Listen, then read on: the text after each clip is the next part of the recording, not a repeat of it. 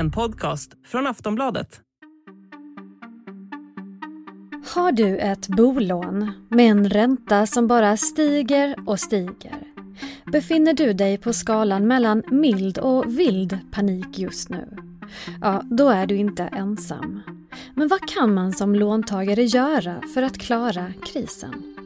Vi har eh, hög inflation. Den visar inte tecken på att vika ner som den till exempel har gjort i USA. Vi har en svagare krona eh, och vi har en betydande osäkerhet om var den här inflationen ska ta vägen. Så att vi tycker det är rimligt idag att höja med 50 punkter och på så sätt vara säkra på att vi verkligen får en inflation ner mot 2 procent.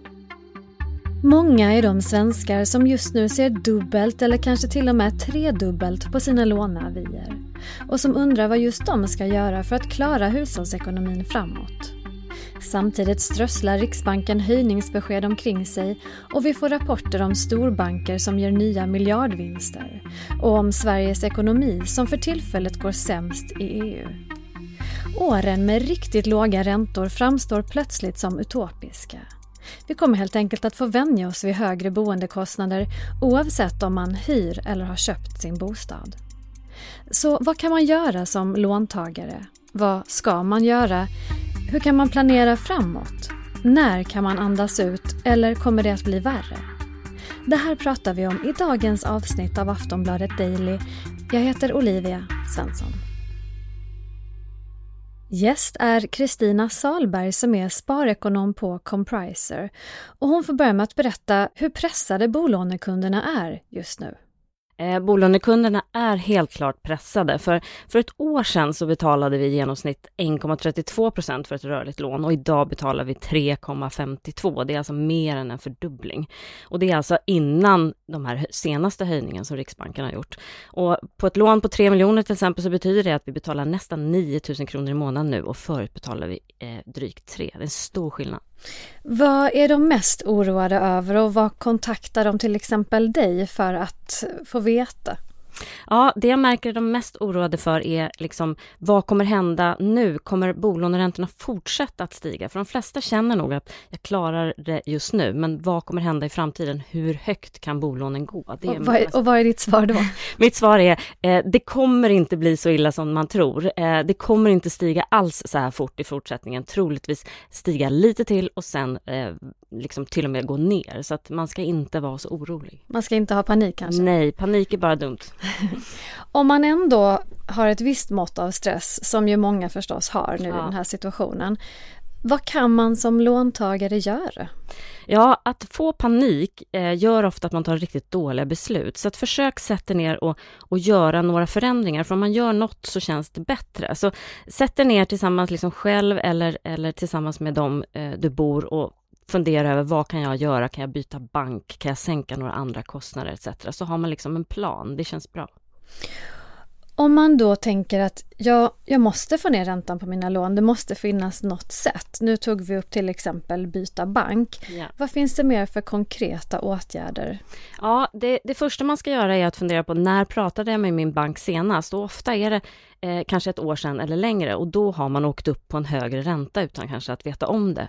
Så ring banken och säg hej, jag vill ha lägre eh, ränta. Och om de sen inte vill ge dig en lägre ränta så kan du titta på snitträntorna. Vilka räntor har de andra bankerna? Och sen så kontaktar du dem. Och är det någon som kan ge dig en lägre ränta, byt bank. Det är liksom otroligt enkelt idag att byta bank. Man behöver ofta bara byta bolånet, inte liksom alla autogiron och konton och grejer. Man ställer bankerna mot varandra helt enkelt? Ja, precis. Och det gör man ju genom att titta hos flera olika och se vad kan jag få hos dem. Man kan ju sen gå tillbaka till sin bank och säga jag får den här fina räntan hos den här nya banken, kan ni göra något? Och ofta vill de ha kvar dig. Mm.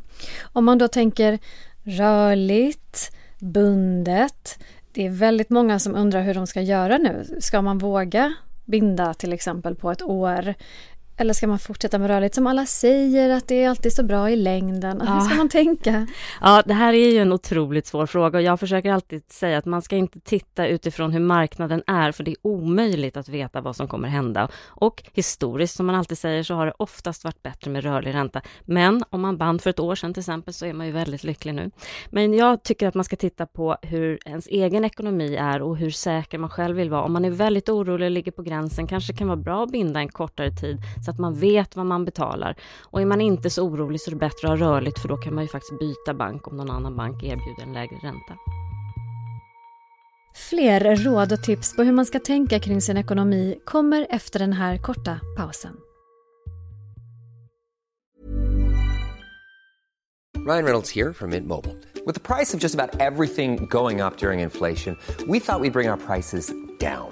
So to help us, we brought in a reverse auctioneer, which is apparently a thing. Mint Mobile unlimited premium wireless. Ready to get 30, 30, bit to get 30, bit to get 20, 20, 20, bit to get 20, 20, bit to get 15, 15, 15, 15 just 15 bucks a month. So, Give it a try at mintmobile.com/switch. slash $45 up front for 3 months plus taxes and fees. Promo rate for new customers for limited time. Unlimited more than 40 gigabytes per month slows. Full terms at mintmobile.com.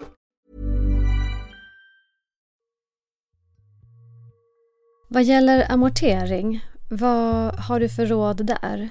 Ja, att amortera är ju otroligt bra. Man, man sänker sin skuld till banken och då sänks ju räntekostnaden varje månad. Och just nu så betalar man ju nästan 4% i ränta, så det är en ganska stor besparing att amortera.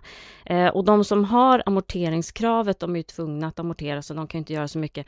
Men har man inte amorteringskravet, man har en belåning på under 50% så kan man ju faktiskt nu fundera, är det läge att pausa amorteringen ett tag eller sänka den så att man har pengar över till de här högre räkningarna just nu? Eller kanske till och med fundera om man hellre vill investera de pengarna. Så att fundera över hur mycket du vill amortera just nu.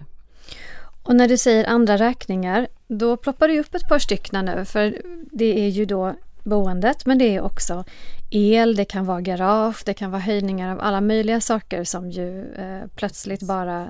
Man, man, märker det bara att oj, vad ja. har hänt? Och det är matpriser.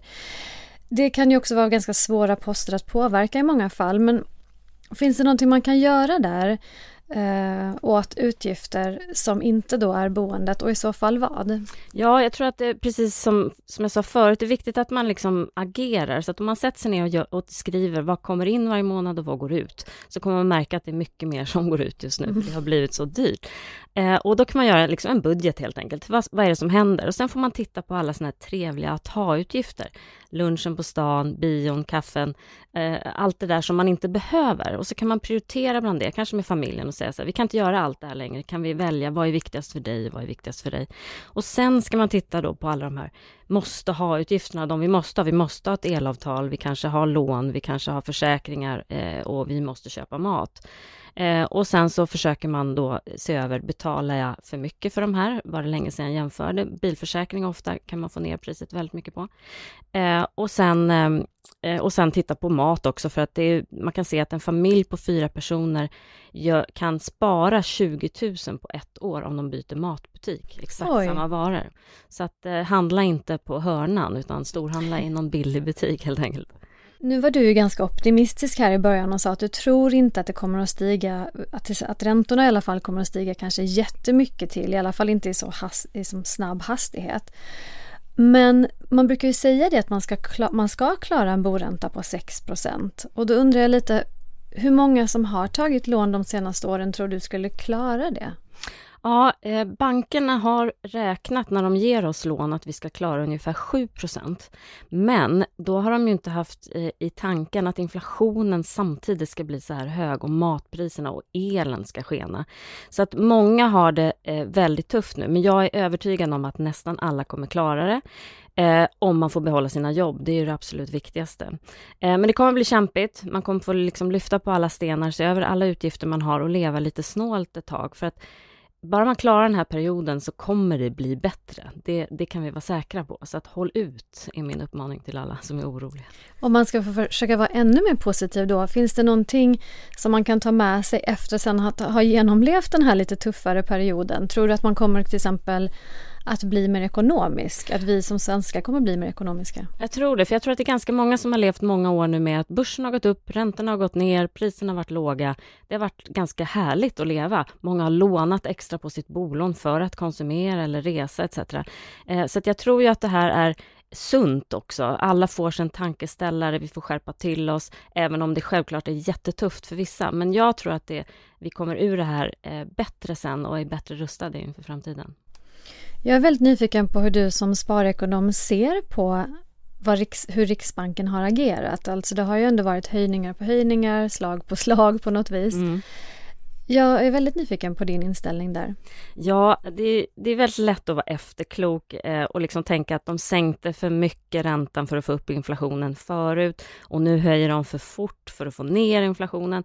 Eh, men vår ekonomiska värld är så otroligt komplex så att det finns så mycket Riksbanken måste ta hänsyn till, inte minst hur det globalt rör sig i, i ekonomin. Så att det är bara i efterhand som vi kan veta om det här gav det resultatet vi ville. Så att, att jag skulle säga att Riksbanken gör rätt eller fel är liksom helt eh, omöjligt. jag, jag förstår. Ja.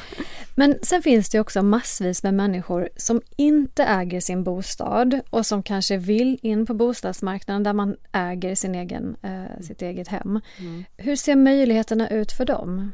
Ja, i och med att bostadspriserna sjunkit ganska mycket nu och kanske kommer fortsätta sjunka ett bra tag så är det ju för första gången på länge tillfälle för nya eh, bostadsköpare att komma in så länge man har råd med räntan och amorteringen som man åker på. Och här också kanske, vill man in på bostadsmarknaden så kanske man får leva supersnålt men eh, ta sig in. Och mitt tips är ju alltid att börja väldigt litet. Köp någonting mindre och längre utifrån centrum så att du liksom eh, inte förköper dig. För det viktiga är att när man väl har köpt något att man kan bo kvar även om bostadspriserna fortsätter kanske gå ner lite för sen kommer de gå upp.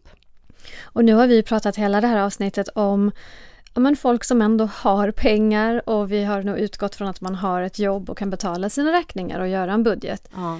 Men hur ser det ut för alla människor som, ja, men, som inte har den här typen av möjligheter och som kanske framför allt redan hade det extremt knapert innan den här krisen kom. Ja, precis. Och där är det ju, till exempel har man ett bolån så får man det riktigt svårt, mycket på grund av elräkningen då som är så hög, så kan man få amorteringsfrihet hos bankerna. Så att har man det riktigt tufft, ansök om, hos din bank för att få ner, eh, ner din amortering. Och sen också, har man svårt att betala räkningar nu så stick inte huvudet i sanden utan börja med att kontakta bolaget som du är skyldig pengar och se om ni kan tillsammans ta fram en, en avbetalningsplan så att du kan betala av på en längre tid. Eh, och funkar inte det, gå till skuldrådgivare i din kommun. Det finns alltid skuldrådgivare som, som ger gratis tips och de kan hjälpa en över den här perioden så att man inte börjar ta dyra lån för att klara det här och så hamnar man i en jättedålig cirkel. Bra tips och råd där. Kristina Salberg, sparekonom på Compriser. Tack för att du kom till Daily. Tack så mycket. Jag heter Olivia Svensson och du har som sagt lyssnat på ett avsnitt av Aftonbladet Daily som är Sveriges största nyhetspodd. Vi hörs igen snart. Hej då.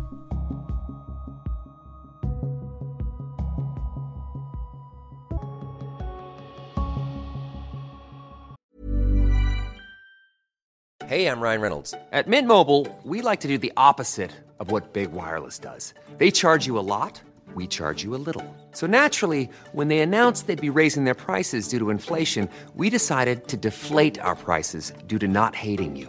That's right. We're cutting the price of Mint Unlimited from $30 a month to just $15 a month. Give it a try at mintmobile.com slash switch. $45 upfront for three months plus taxes and fees. Promote for new customers for limited time. Unlimited more than 40 gigabytes per month. Slows. Full terms at mintmobile.com. Du har lyssnat på en podcast från Aftonbladet. Ansvarig utgivare är Lena K Samuelsson.